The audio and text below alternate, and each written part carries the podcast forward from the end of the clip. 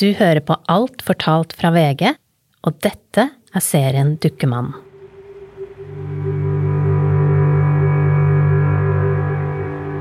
Hvis du hadde spurt meg før jeg begynte hos eh, Varhaug om hvilken legning har du, så ville jo ikke jeg vært i tvil. Jeg eh, elsket jo damer, jeg. Dette er Knut. Da han var 29 år, ble han henvist til psykolog Sverre Varhaug. Men eh, Varhaug mente at hvis jeg skulle eh, bli et helt menneske, stige opp av asken som fugl føniks, som han sa, så måtte jeg være mer alene. Jeg kunne ikke leve det heterofile livet som jeg gjorde.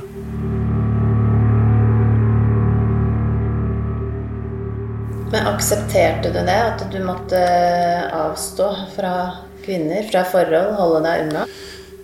Jeg gjorde jo egentlig ikke det, fordi, fordi jeg hadde mine Kall det hemmeligheter. Og det har vært godt å tenke tilbake på. At jeg har eh, trosset ham.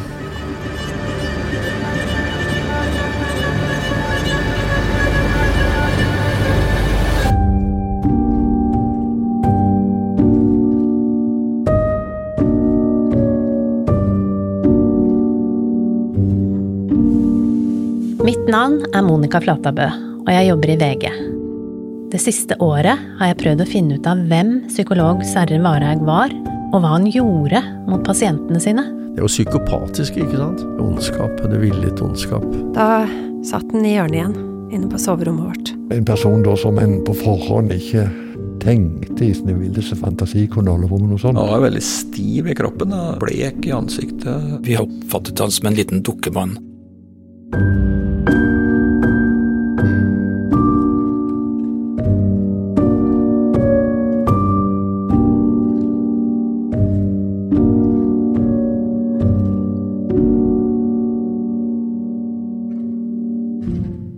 I forrige episode hørte vi at Sverre Varhaug forgrep seg mot to mannlige pasienter da han var sjefpsykolog ved Rogaland sykehus. Han blir dømt og mister retten til å jobbe som psykolog i to år. Men etter de to årene åpner Varhaug privat praksis i Oslo. Og det er nå Knut blir henvist dit. Han er i sorg etter å ha mista faren sin. Og jeg måtte ha hjelp. Jeg måtte prate med noen nå. Kontoret til Varhaug ligger i Klingenberggata sentralt i Oslo. Det er ikke noe legefellesskap, ikke noe resepsjonist eller sekretær. Bare et lite kontor, enkelt møblert med to stoler og en skrivepult i lys tre, og en benk. Varhaug får refusjonsordning. Det betyr at leger henviser pasienter til han, og at staten tar regninga. Jeg kommer jo inn i rommet der og setter meg ned eh, ved stolen på andre siden av Varhaug. Så sitter vi og ser på hverandre og Varhaug er i midten av 50-åra. Han er slank, ganske liten av vekst, og har grått, kort hår.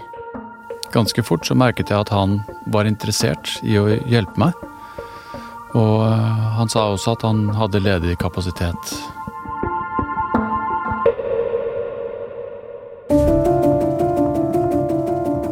Varhaug bruker en ganske lik metode for å manipulere pasienter. Etter å ha intervjuet flere av dem og lest alle dommene, ser jeg et tydelig mønster. Først kan Varhaug starte en intens behandling med opptil ti timer i uka. Noe som gjør at pasienter raskt blir avhengig av ham. Han ber flere av dem også isolere seg fra venner og familie. Han sa også at jeg godt kunne ringe han på ettermiddagen eller kvelden hvis det var noe. Så kan Varhaug si at det nok har skjedd noe traumatisk i barndommen til pasienten. Et overgrep. Det er nok noen som har vært stygge mot deg da du var liten. Varhaug sier at for å bli frisk må pasienten huske overgrepet. Og derfor skal de nå lokke fram minnet ved å få frem seksuelle følelser. I en av timene så setter han seg da ved siden av meg. Åpner en skjorteknapp, og så begynner han å kjenne meg på brystvortene.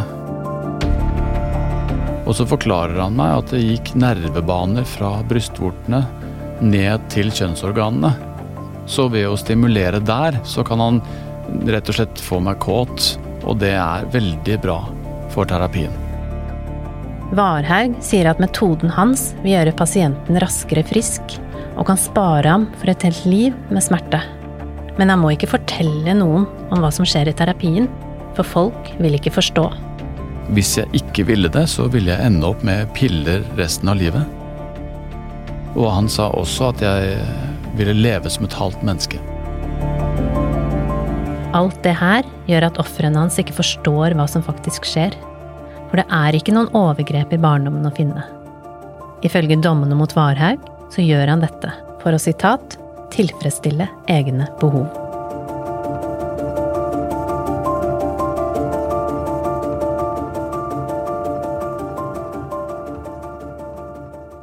I en av terapitimene tar Knut med et bilde av faren sin.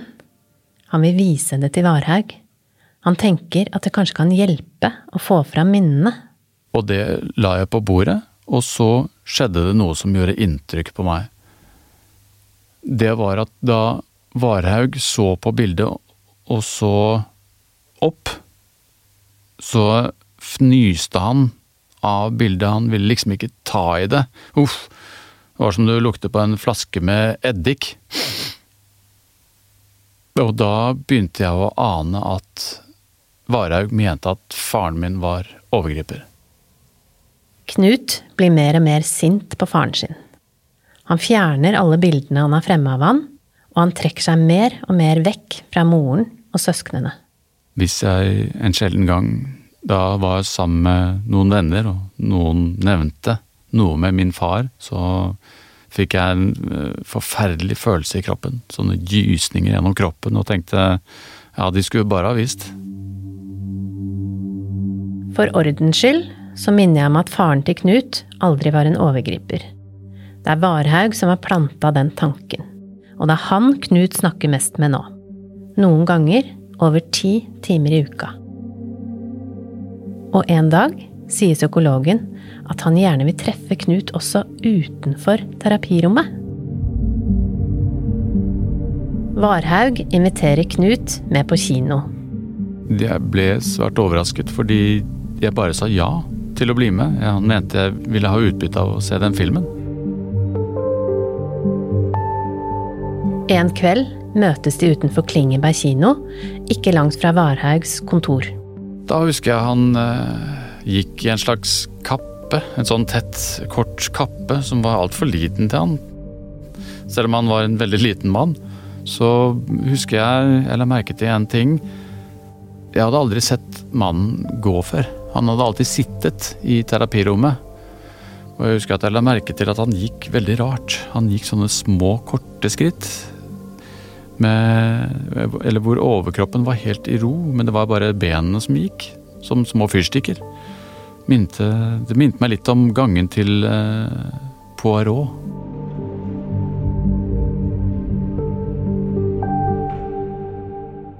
Filmen de skal se, heter Querelle, en pakt med djevelen, og er laget av regissøren Rainer Fassbinder. Det er en slags kunstfilm slash homoerotisk mykporno om en kjekk belgisk sjømann som er forelska i broren sin. Og da fikk jeg litt hakaslepp, for det var en film om homofili. Og det var eh, ganske så tøft homofilt miljø. Som man i dag kaller lærhomsemiljø, tenker jeg.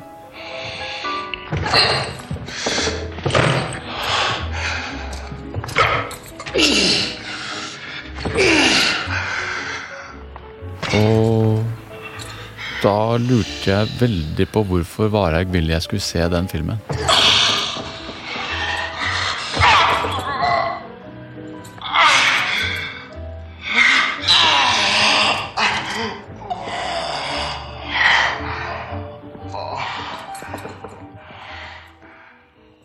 Etter filmen går de sammen gjennom gatene og snakker om det de har sett.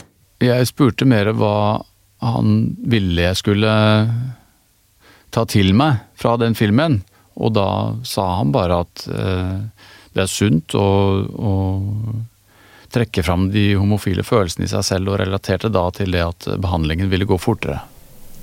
Var det sånn at han mente at du var homofil? Ikke Nei. Men han greide å skape en usikkerhet i meg.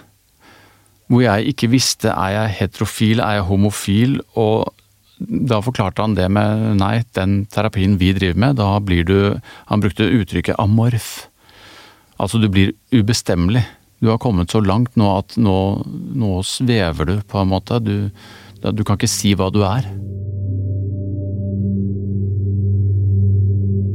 All denne usikkerheten gjør noe med Knut. Og en dag har han fått nok. Vi satt jo på hver vår side av hans skrivebord. Og på min side så var det en finerplate. Knut blir plutselig rasende. Så eksploderte jeg helt. Og reiste meg opp og sparket i skrivebordet hans. Jeg hadde på meg boots som var ganske stive. Den knaste. Det blir et hull i finerplata.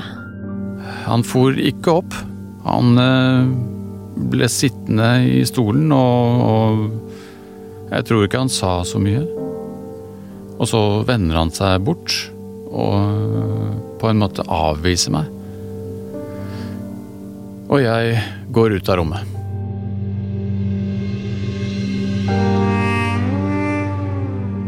For første gang har Knut gjort et opprør mot Varhaug. Han går ut på gata. Der nede er det akkurat som han begynner å høre lyder igjen.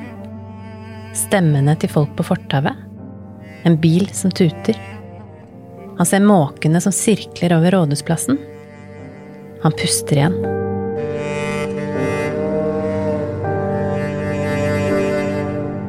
Og så begynner det å melde seg tanker. Det er ordene til Varhaug han hører. Og de sier at han er helt alene. At han er syk. Og nå skal han ha det vondt resten av livet.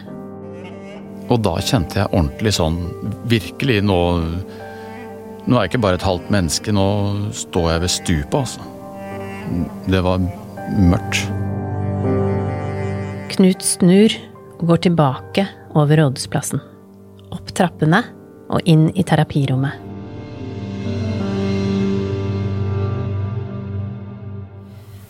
Kan du si noe om hvorfor du gikk tilbake?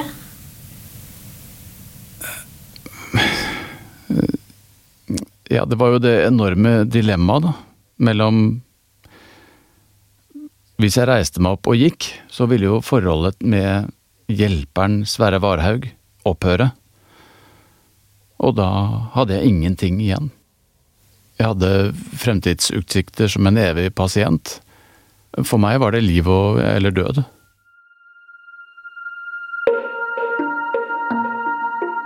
Men så, en kveld, skjer det noe skikkelig fint. For en gangs skyld blir Knut med på en fest etter jobb. Og der, på den andre siden av rommet, får han øye på en kvinne. Han kikket sånn på skrå på meg, og jeg merket at han så på meg, og jeg syntes han var kjekk. Dette er Ingrid. For å sikre Knuts anonymitet har vi forandret navnet og fått en skuespiller til å lese inn hennes stemme også. Da hun treffer Knut, er han i begynnelsen av 30-åra. Han er eh, høy mørk, maskulin. Ingrid er 28 år. Hun er nyskilt og har en liten datter. Hun kledde seg litt 50-talls, i trangt skjørt og smal midje, og var en frodig dame. Og det syns jeg var veldig tiltalende. Han virker interessert, samtidig som hun var litt tilbakeholdt, og han lo litt uten at det var nødvendig å le og sånn. Ikke møtte blikket mitt ordentlig, nesten uerfaren i å snakke med jenter. Hun var veldig spontan. Hun hadde en smittende latter med åpen munn, og hun kunne le lenge. For meg så var hun på mange måter en drømmekvinne. Etter festen følger Knut Ingrid hjem. Og utenfor døra avtaler de å møtes igjen. Jeg kjente glede og veldig smigret over at hun var interessert i meg. Og jeg tok meg selv i å begynne å tenke mer og mer på henne. Det viser seg at de jobber i nærheten av hverandre. Og Knut gjør alt han kan for å sjarmere Ingrid. Jeg fikk jo blomster på jobben og sånn. Så plutselig kom det blomster til meg fra han med små kjærlighetserklæringer på kort. Hvis det var noe som irriterte henne, så kunne hun si det rett ut. Og det syns jeg var så deilig, at hun var direkte. Det skapte liv og røre hos meg. Han var veldig romantisk. Gikk mye med armen rundt meg, ja. Vi likte å kline.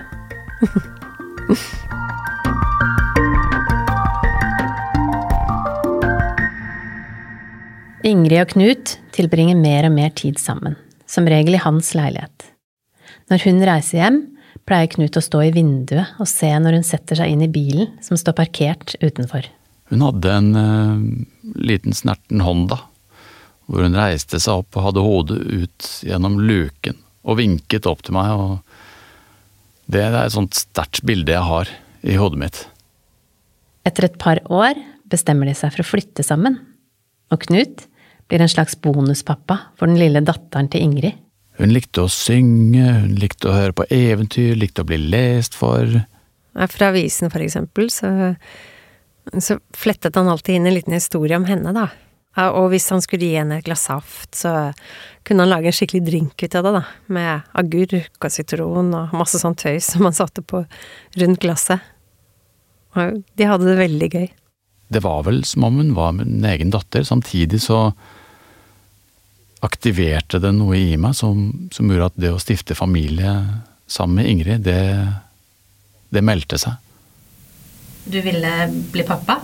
Jeg kjente på den lysten, ja. Og det ville Ingrid også. Vi skulle ha mange barn, i. Det, det var ikke måte på. Samtidig er Knut åpen om at han går i terapi, men uten å fortelle så mye om hvorfor. Jeg syns det var spennende at han gikk og fikk eh, ordnet opp i følelsene sine. Fordi man, man har jo ting man sliter med alle sammen. Jeg merket at jeg ble møtt med åpne armer. Det var ikke noe skummelt for henne at jeg gikk i, i terapi. Jeg var stolt av han. Jeg var stolt fordi jeg syntes han var en klok og flott mann. Tre ettermiddager i uka er Knut hos Varhaug. Og der gjentar det samme mønsteret seg hver gang. Først snakker de litt om hverdagslige ting, som hva Knut har gjort på jobben, og hvem han har snakka med. Så blir Varhaug stille. Sa ikke et ord, og da skjønte jeg at da var det bare én ting, og det var jo at jeg, jeg lå ned på den benken.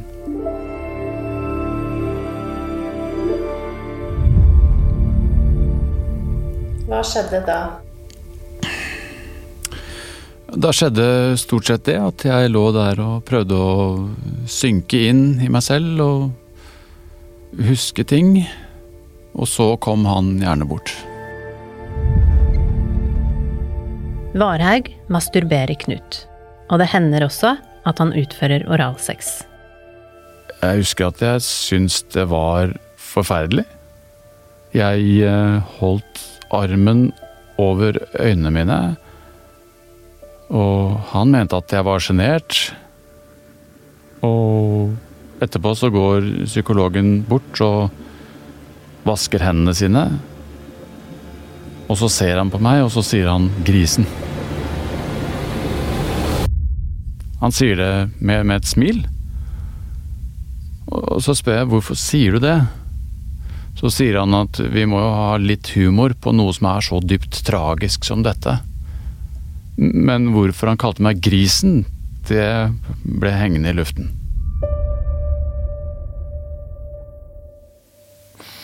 Når vi avsluttet timene, og jeg sto ved døren, så kunne han veldig ofte si noe som fikk meg til å føle meg liten. Han kunne for eksempel si du får titte litt på gutta, hvis han visste at jeg skulle hjem til min samboer. Og få høre det, og så går jeg hjem og møter da Ingrid med sin utadvendthet, spontanitet, glede, og som da ønsker å være sammen med meg, så kommer jeg med det gruffet.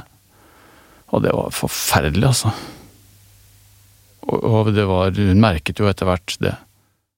En kveld bestemmer Knut seg for å fortelle Ingrid om grunnen til at han går i terapi, nemlig at psykologen mener han ble misbrukt av faren sin som barn. Jeg syns jo synd på han og tenkte at det, det er jo ikke rart at han må gå i terapi når han har opplevd det.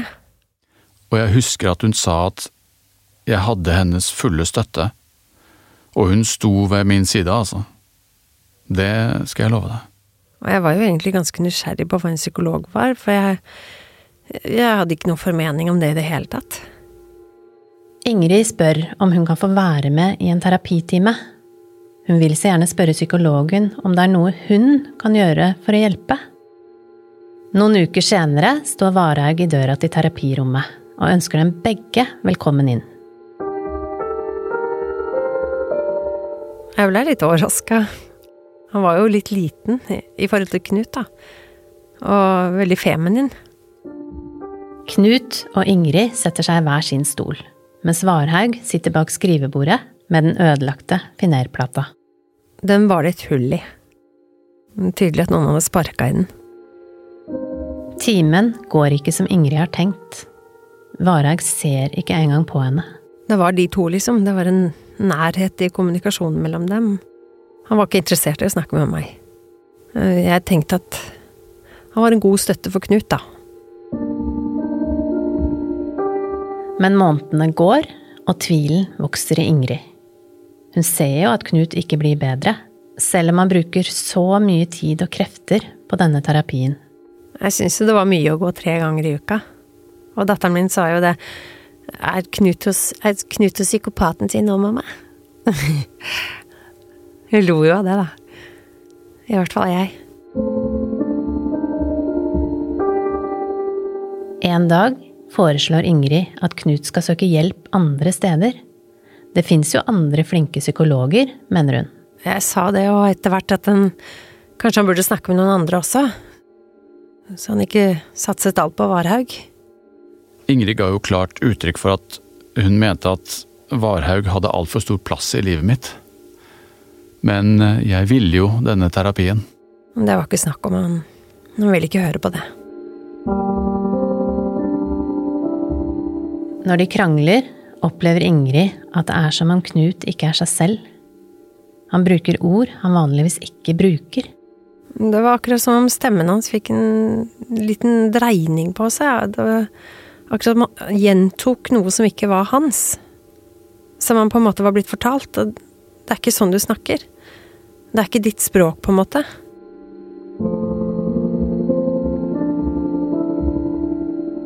Knut føler at han blir dratt mellom Varhaug og Ingrid.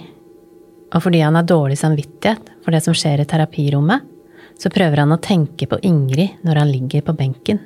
Det rare, tragiske, er jo at hjemme sammen med Ingrid så tenkte jeg på at jeg sviktet terapien. Så jeg tok altså Ingrid med meg opp i terapirommet noen ganger, og Varhaug tok jeg med hjem til oss. Og jeg hadde jo følelsen av at Sverre Varhaug satt på en stol på soverommet vårt, inni et hjørne, og styrte på en måte det meste av hverdagen vår.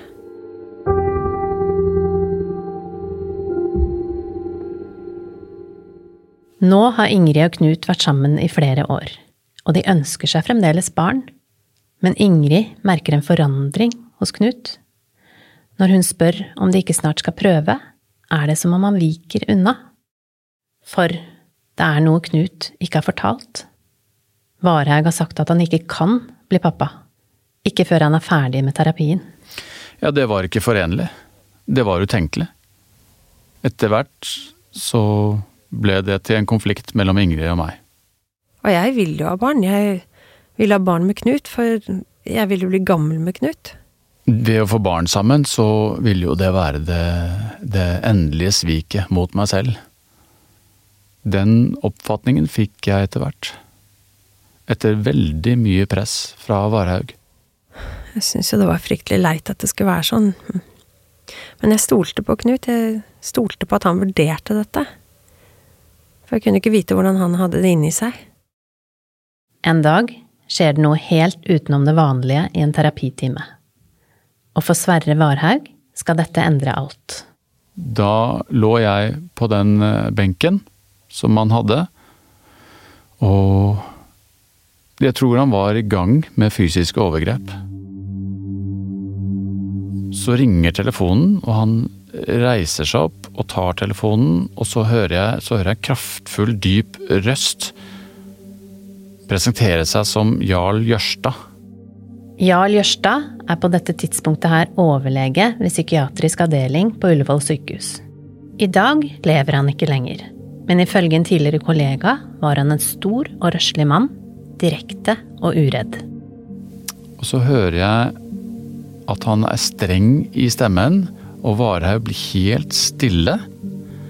Og når Varhaug da må si noe, så er det med en sånn hviskende, forsiktig, skjelvende stemme. Da følte jeg at øh, nå, nå er han helt annerledes enn det jeg er vant til å høre ham. Knut får ikke med seg hva som blir sagt. Men det som har skjedd, er at en av Varhaugs pasienter, en mann i 30-åra, er hasteinnlagt på Ullevål sykehus med et sammenbrudd. Og der har han fortalt overlegen alt om overgrepene som Varhaug har utsatt ham for i terapien. Og så la Varhaug på røret og var, helt blek. Han var jo blek i, utgangspunktet, men her så jeg at han var ordentlig hvit i ansiktet.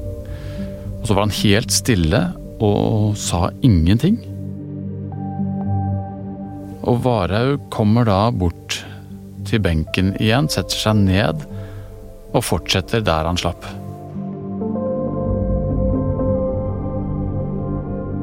Men nå er det for sent å late som ingenting. For overlege Jørstad han sender en klage til Norsk psykologforening, der han skriver at Varhaug må stoppes. Og dermed starter en ny etterforskning av Sverre Varhaug.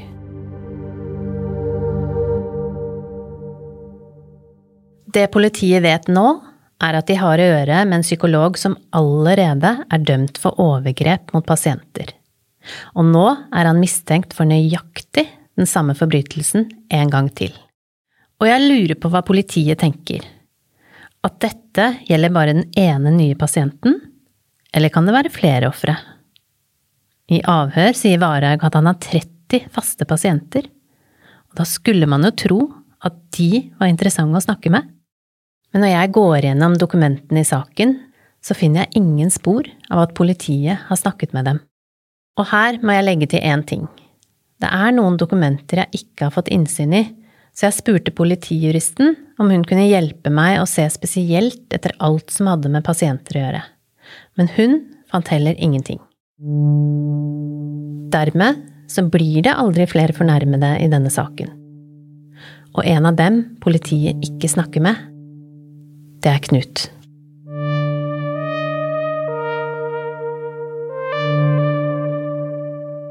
Han sitter i terapirommet på stolen foran skrivebordet da Varhaug sier at det er noe han må fortelle.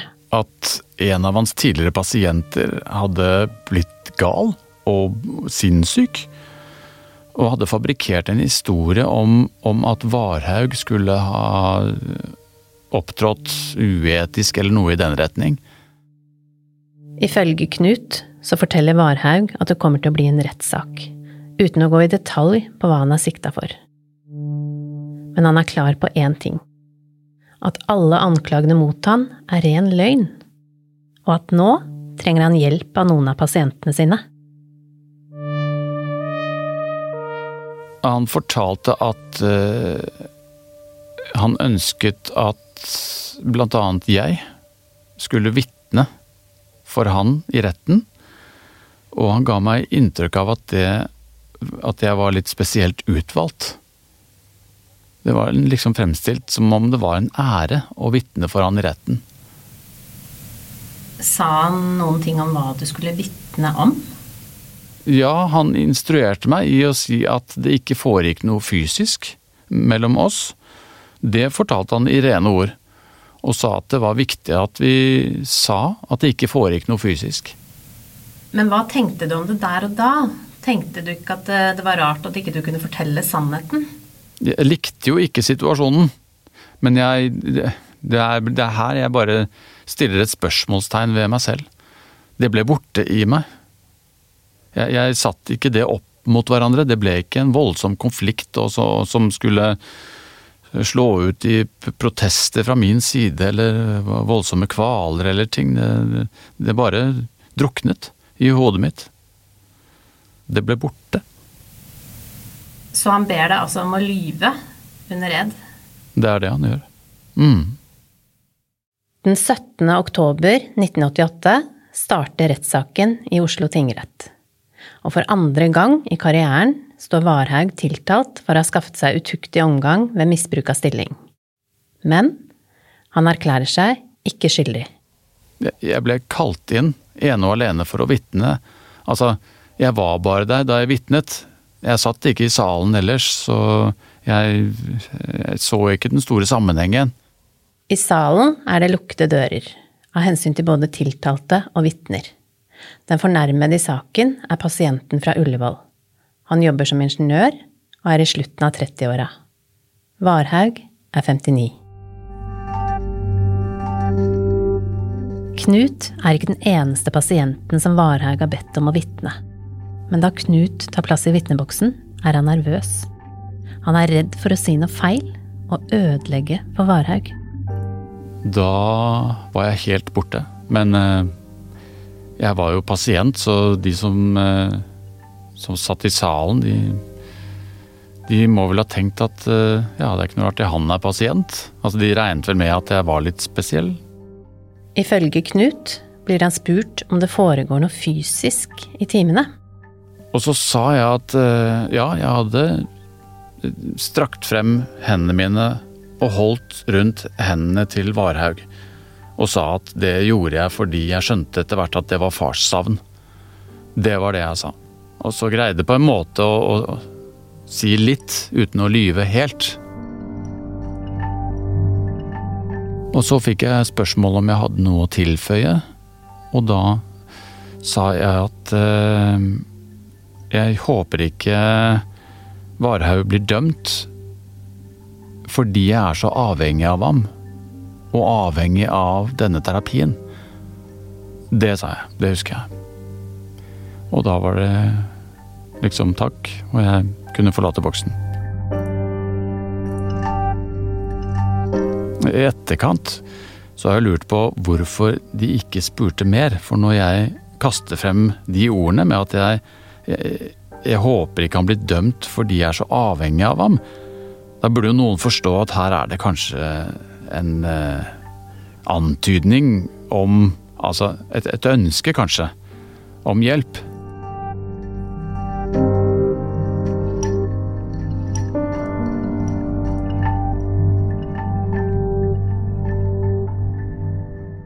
For andre gang i karrieren blir Varhaug dømt for overgrep mot en pasient. Denne gangen får han seks måneders fengselsstraff, og han mister retten til å jobbe som psykolog for alltid. I dommen står det at retten ser det slik at tiltalte nå klart må anses uskikket til å utøve virksomhet som psykolog. Tenk deg at du er en av Varhaugs pasienter nå. Ville du likt å få vite om det? At politiet eller helsemyndighetene tok kontakt og fortalte hva som hadde skjedd? Jeg vet ikke akkurat hva alle de 30 faste pasientene til Varhaug fikk vite på denne tida. Men Knut og en annen pasient jeg har intervjuet, de forteller at de aldri fikk noe informasjon av myndighetene. Så de fortsetter. Jeg kan ikke huske at han sa klart og tydelig fra til meg at jeg er fradømt lisensen, men han fortalte at han ikke lenger kunne være terapeut i Klingenberggaten. Men at han skulle fortsette terapi eh, privat. Og han skulle ta med seg de alvorligste tilfellene opp dit, og jeg var en av dem.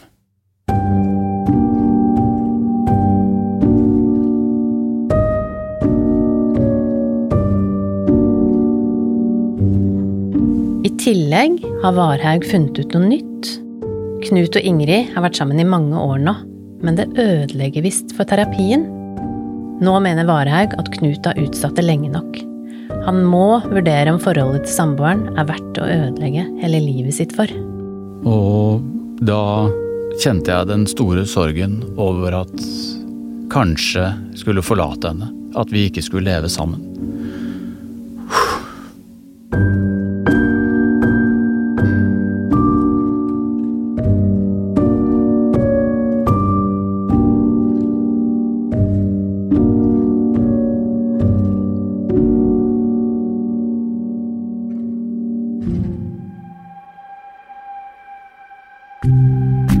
Neste episode fortsetter historien. Varhaug har ikke lov til å jobbe som psykolog. Likevel tar han imot pasienter og føler seg friere til å gjøre akkurat det han vil med Knut. Nå intensiverte han terapien, så jeg begynte å gå der hver dag. Han var ganske kjørt. Det tok litt tid før han på en måte var seg sjøl, da. Og jeg ropte 'hjelp, hjelp, dette holder jeg ikke ut lenger'. Så jeg begynte å fantasere om å ta livet mitt.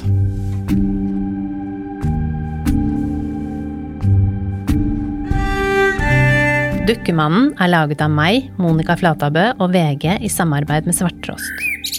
Etter å ha jobba med dette, så tror jeg at det er flere ofre der ute. Hvis du vet noe om denne saken, så vil jeg gjerne høre fra deg.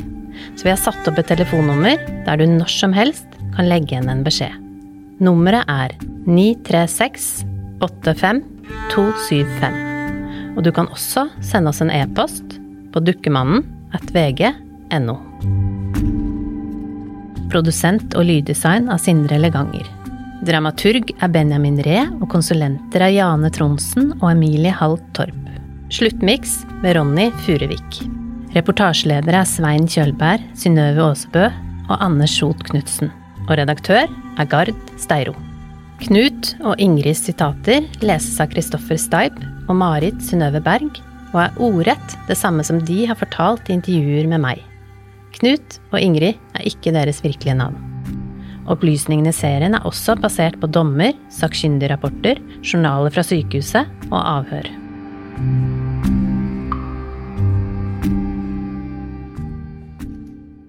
Svarterost.